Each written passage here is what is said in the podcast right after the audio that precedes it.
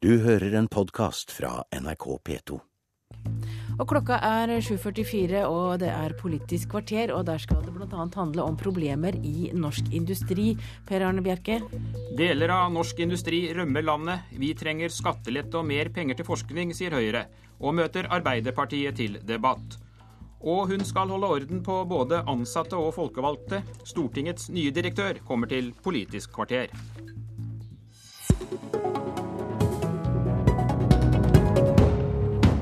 Vi var nødt til å flytte for å få ned kostnadsbildet. Det er rett og slett for dyrt for oss å operere i Norge.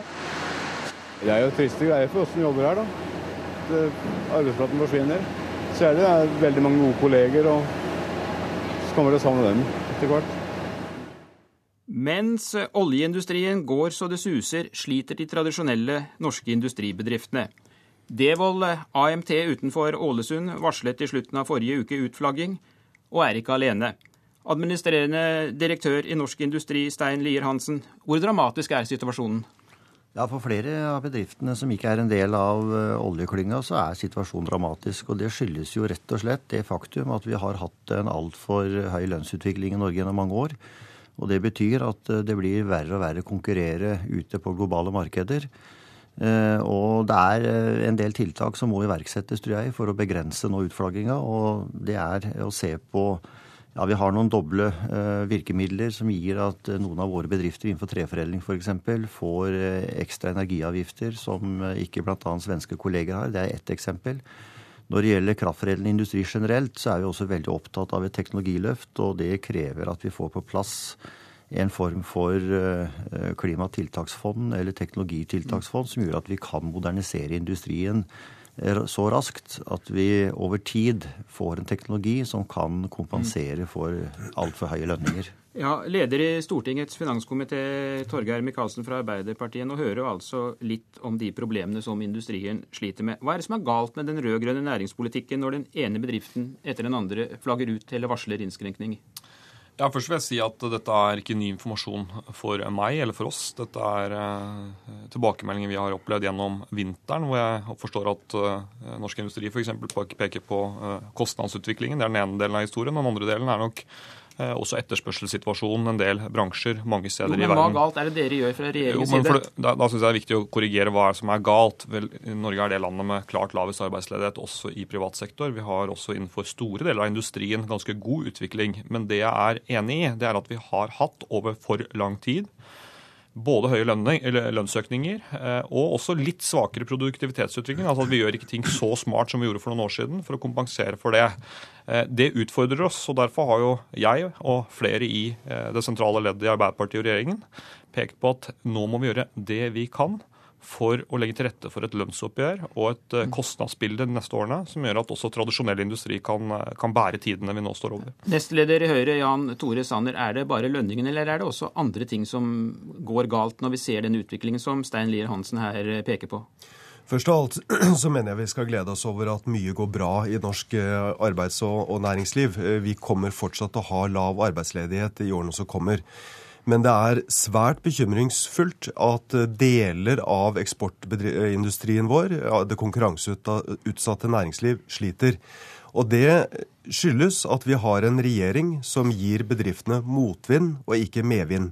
Jeg har gått igjennom rapporten fra Norsk Industri, og de påviser punkt for punkt om hvordan Arbeiderpartiet og regjeringens politikk eh, gir våre bedrifter en ekstra tung bør å bære.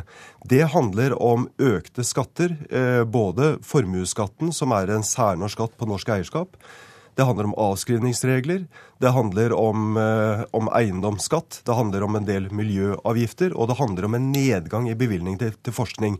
Det er verdt å merke seg at en industribedrift som Borregaard de gjør det bra fordi at de satser mye på forskning, mens andre deler av norsk næringsliv eh, sliter fordi at de har høye kostnader, og man har ikke fått til tilsvarende løft for teknologi og forskning. Torgeir Micaelsen? Ja, dette er jo uh, utrolige saker. I den forstand at uh, jeg mener det er to viktige hovedgrep vi nå kan gjøre. Og så er det noen mindre saker. Og Jan Tore Sanner nevnte noen av de litt mindre uh, sakene. Men det, vi kommer ikke utenom at hovedgrepet en regjering nå kan gjøre, det er å holde orden i eget hus. trygg økonomisk styring, passe på å bruke passe mye oljepenger. Og før Jan Tore Sanner og Høyre skal gjøre stort nummer ut av hva vi gjør galt, så syns jeg kanskje han kan klargjøre om det er tilfellet. Eh, at en regjering også med Frp på slep vil føre den type økonomisk politikk. Så har jeg nevnt lønnsoppgjøret. Og så er jeg opptatt av at vi skal diskutere mer spesifikke tiltak som industrien og andre peker på. Omstilling, innovasjon, eh, tiltaksfond. Ja, jeg skal være med og diskutere alt mulig. For det er ekstremt viktig at vi også har andre typer bedrifter enn oljerelatert. Nå er det jeg som har ordet, Jan Tore. Så nå kan du kanskje klargjøre det en gang til. Er det slik at vi kan ta ansvar for i fellesskap å føre en økonomisk politikk med Frp på slep, eller må dere dessverre si at det kan man ikke si noe om før valg, etter valget i 2013. Dette oppfatter jeg som en total avsporing. Jeg syns at Torgeir Micaelsen skal lese rapporten fra Norsk Industri. Det har jeg gjort. Den påviser punkt for punkt om hvordan den rød-grønne regjeringens politikk har bidratt til større byrder for, for norsk, norsk næringsliv. Men jeg vil gjerne strekke ut en hånd også og si at det vi nå trenger, det er en langsiktig strategi som kan bidra til at vi trygger jobbene og legger et grunnlag for at vi kan drive med industri i Norge i årene som kommer.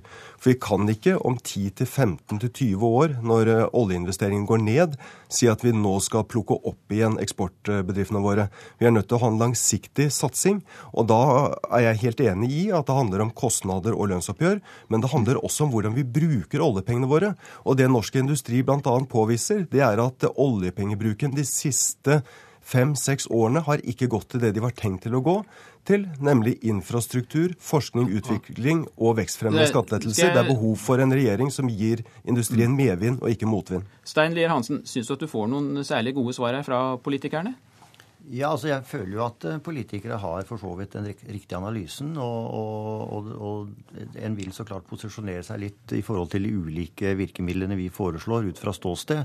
Men det viktigste nå tror jeg er å ta inn over seg det alvoret som råder for deler, store deler av fastlandsindustrien, og se hva f.eks. et land som Tyskland har gjort for å sikre en enorm kraft i sin industri. For, for det er en del ting vi kan lære. Vi ber ikke om store ting. Vi er enig i at orden i økonomi er veldig viktig. Eh, renta mot utlandet må ikke bli større enn nødvendig, for kronekursen er avgjørende. Vi må ha et moderat lønnsoppgjør. Men så er det altså justeringer som vi ber om. Og det er justeringer som har et fellestrekk, nemlig det skal gjøre det mer interessant å investere i nytt produksjonsutstyr i Norge. Og da er en så enkel sak som avskrivningsregler, som vi for så vidt har jobba med de siste ti åra, veldig avgjørende. Og så er det en del helt konkrete tiltak som, som, hvor vi må ta, på en måte gjøre en blåkopi av hva EU gjør, og det går spesielt på klima, teknologi og dermed bedrifter bedrifter som blir både energieffektive og som kan produsere mer per ansatt, for dermed å kompensere for høye lønninger. Kaste ballen rett over til Torgeir Micaelsen. Eh, kan dere ikke gjøre noe av dette? Dere har jo flertall og kan jo vedta hva som helst hvis dere vil? Absolutt, men det er ikke alltid helt klart og gitt hva som er det riktige å gjøre. Utover at jeg tror at vi bare dessverre må erkjenne at hvis vi ikke holder orden på økonomien, trygg økonomisk styring, passe på at rentene, slik eh, Stein Lier Hansen her peker på, ikke blir større enn det vi eh, Eller forskjellen jo, men, blir større. Jo, men hør, hør, Alle de andre tiltakene skal vi diskutere. Vi skal gå inn i rapportene, vi skal, vi skal se på det. Men hvis vi ikke holder orden på det grunnleggende, og det er dessverre også en svær debatt i det offentlige Jo, men hør nå. Jo, men, hvis vi ikke holder orden på det, så kommer, kommer, dette til å slå ut som en flodbølge. I den forstand at det blir mye mer negativt. Men hvorfor kan dere ikke konkret gjøre noe med disse avskrivningsreglene som Lier Hansen tar opp her? Fordi det er ulike satser i ulike steder i Europa, og vi har valgt ett nivå. Der eh, jeg hører at industrien er opptatt opptatt av andre nivåer. Det har de tatt om oss tidligere. Igjen, jeg skal uh, diskutere alle tiltak, fordi det er, opptatt, er, veldig opptatt av at norsk industri skal bevares, uh, og at vi skal også ha tradisjonell industri. Men så vil jeg legge til til slutt. Ja. Vi, ikke, vi, må ikke, vi, må ikke, dulle oss inn i en tanke om at tradisjonell industri er det mange andre tenker på som at det er veldig uh, intensivt med arbeidskostnader og den type ting. Nå er det også slik at den type ja. industrien er veldig teknologisert og veldig modernisert og veldig annerledes. Jan Tore Sanner for her. Torgeir Micaelsen, trygg økonomisk styring er viktig, og der er Høyre og Arbeiderpartiet enig. Men hva med Frp, Jan Tore? Men trygg økonomisk styring handler ikke bare om hvor mye penger du bruker, det handler også om hvordan du bruker pengene, og det er der Arbeiderpartiet svikter. Rapporten påpeker at bevilgningen til forskning og utvikling, der har veksten gått kraftig ned de siste fem-seks årene. Og du har konkrete eksempler som handler om avskrivningsregler. Hvordan uh, Hydro i Sunndal og, og, hvordan Alcoa i, i Mosjøen rammes av regjeringspolitikk. Dette er ting som regjeringen kan ta tak i hvis de vil, og som vil bidra til at bedriftene får en lettere situasjon. Og jeg gjentar min invitasjon til regjeringen og også til partene i arbeidslivet om at vi nå får på plass en langsiktig strategi for hvordan vi kan trygge jobbene i konkurranseutsatt sektor og legge til rette for at, eh, at du får verdiskaping innenfor de, for disse bedriftene i årene som kommer. Fordi at disse bedriftene de kan du ikke pakke opp gjennom 10-15 år. Vi må sørge for at vi har industri i årene som kommer. Du skal få 15 sekunder til å svare på det, Torgeir Micaelsen. Ja, jeg syns det er spennende at, at, uh, Høyre på nytt posisjonerer seg nærmere Arbeiderpartiet i den økonomiske politikken, fordi de ikke ønsker å prate om det som er det reelle alternativet i den økonomiske politikken. Og jeg, jeg, jeg registrerer på nytt at Høyre er ikke i stand til å svare på hvordan de langsiktig skal styre landet med Frp på slep i den økonomiske politikken. Jo da, det svarer jeg, det svarer jeg veldig gjerne på, Torgeir Micaelsen. Ja, men, men, det må du ta i et annet program, for ja. nå skal jeg først til slutt spørre Stein Lier Hansen her. Eh, du sier at det er dramatisk. Hvis du ser framover nå i dette året, hvordan tror du det kommer til å gå med en rekke av disse industribedriftene, som vi hørte eksempel på Devold f.eks. nå i Ålesund? Nei, altså vi, vi, vi, har en tredeling nå, og den delen av fastlandsindustrien som nå ikke er konkurransedyktige, de vil, eh, flere av de vil møte veggen i 2012, og det ser vi nå mange eksempler på. Men jeg, jeg vil ikke gi noen prognose som går på antall bedrifter eller antall, eh, altså antall nedgang i sysselsetting.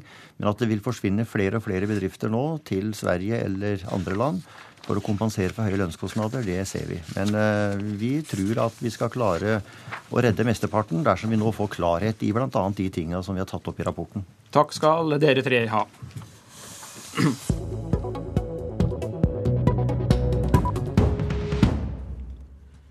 Hun har sittet i styret for Oslofilharmonien og Nationaltheatret, og har brukt store deler av livet sitt som offentlig byråkrat.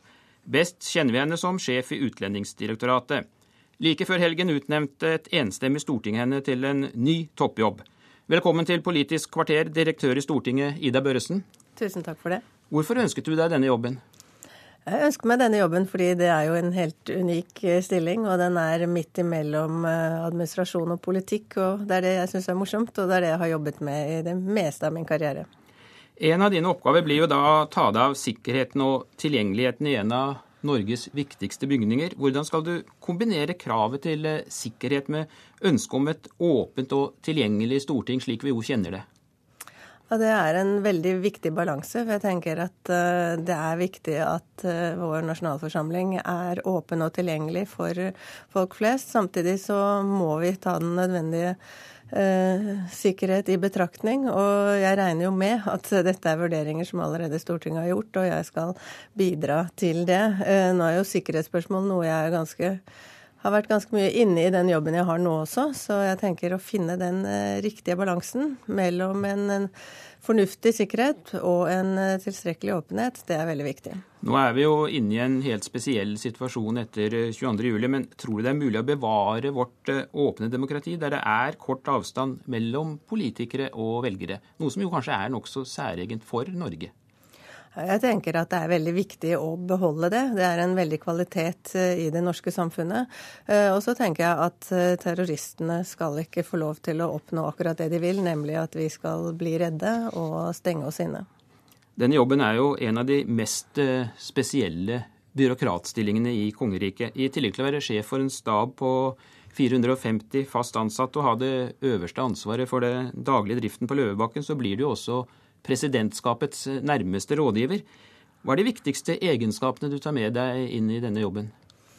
Ja, jeg tenker Det er, er, to ting. For det første at jeg har en veldig bred forvaltningskompetanse. Eh, jeg kan på en måte håndgrepene i det å drive en sånn stor administrasjon. Og for det andre så har jeg nettopp arbeidet veldig mye tett opp mot politikere og sett eh, hvilken eh, viktig oppgave de har, og hvilken rolle jeg da som eh, deres støttespiller har for å legge til rette da, for den jobben de skal gjøre.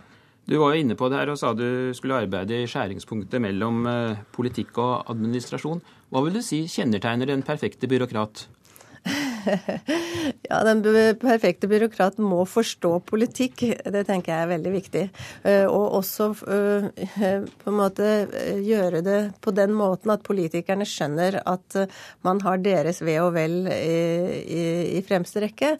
Og at man da også noen ganger gir en politiker et råd han kanskje helst ikke vil ha. Det har vært eh, sagt og skrevet mye om deg opp gjennom årene, Ida Børresen. Og tidligere statsråd Bjarne Håkon Hansen han kalte deg landets eh, tøffeste dame. Er du det? Nei, det tror jeg ikke jeg er. Men jeg, jeg er veldig glad i å jobbe i offentlig forvaltning. Jeg syns vi har høy kvalitet, eh, og det er spennende å bidra til. Takk for at du kom til Politisk kvarter, og lykke til med jobben. Tusen det var takk. På, ja, og det var Politisk kvarter. Jeg heter Per Arne Bjerke. Du har hørt en podkast fra NRK P2.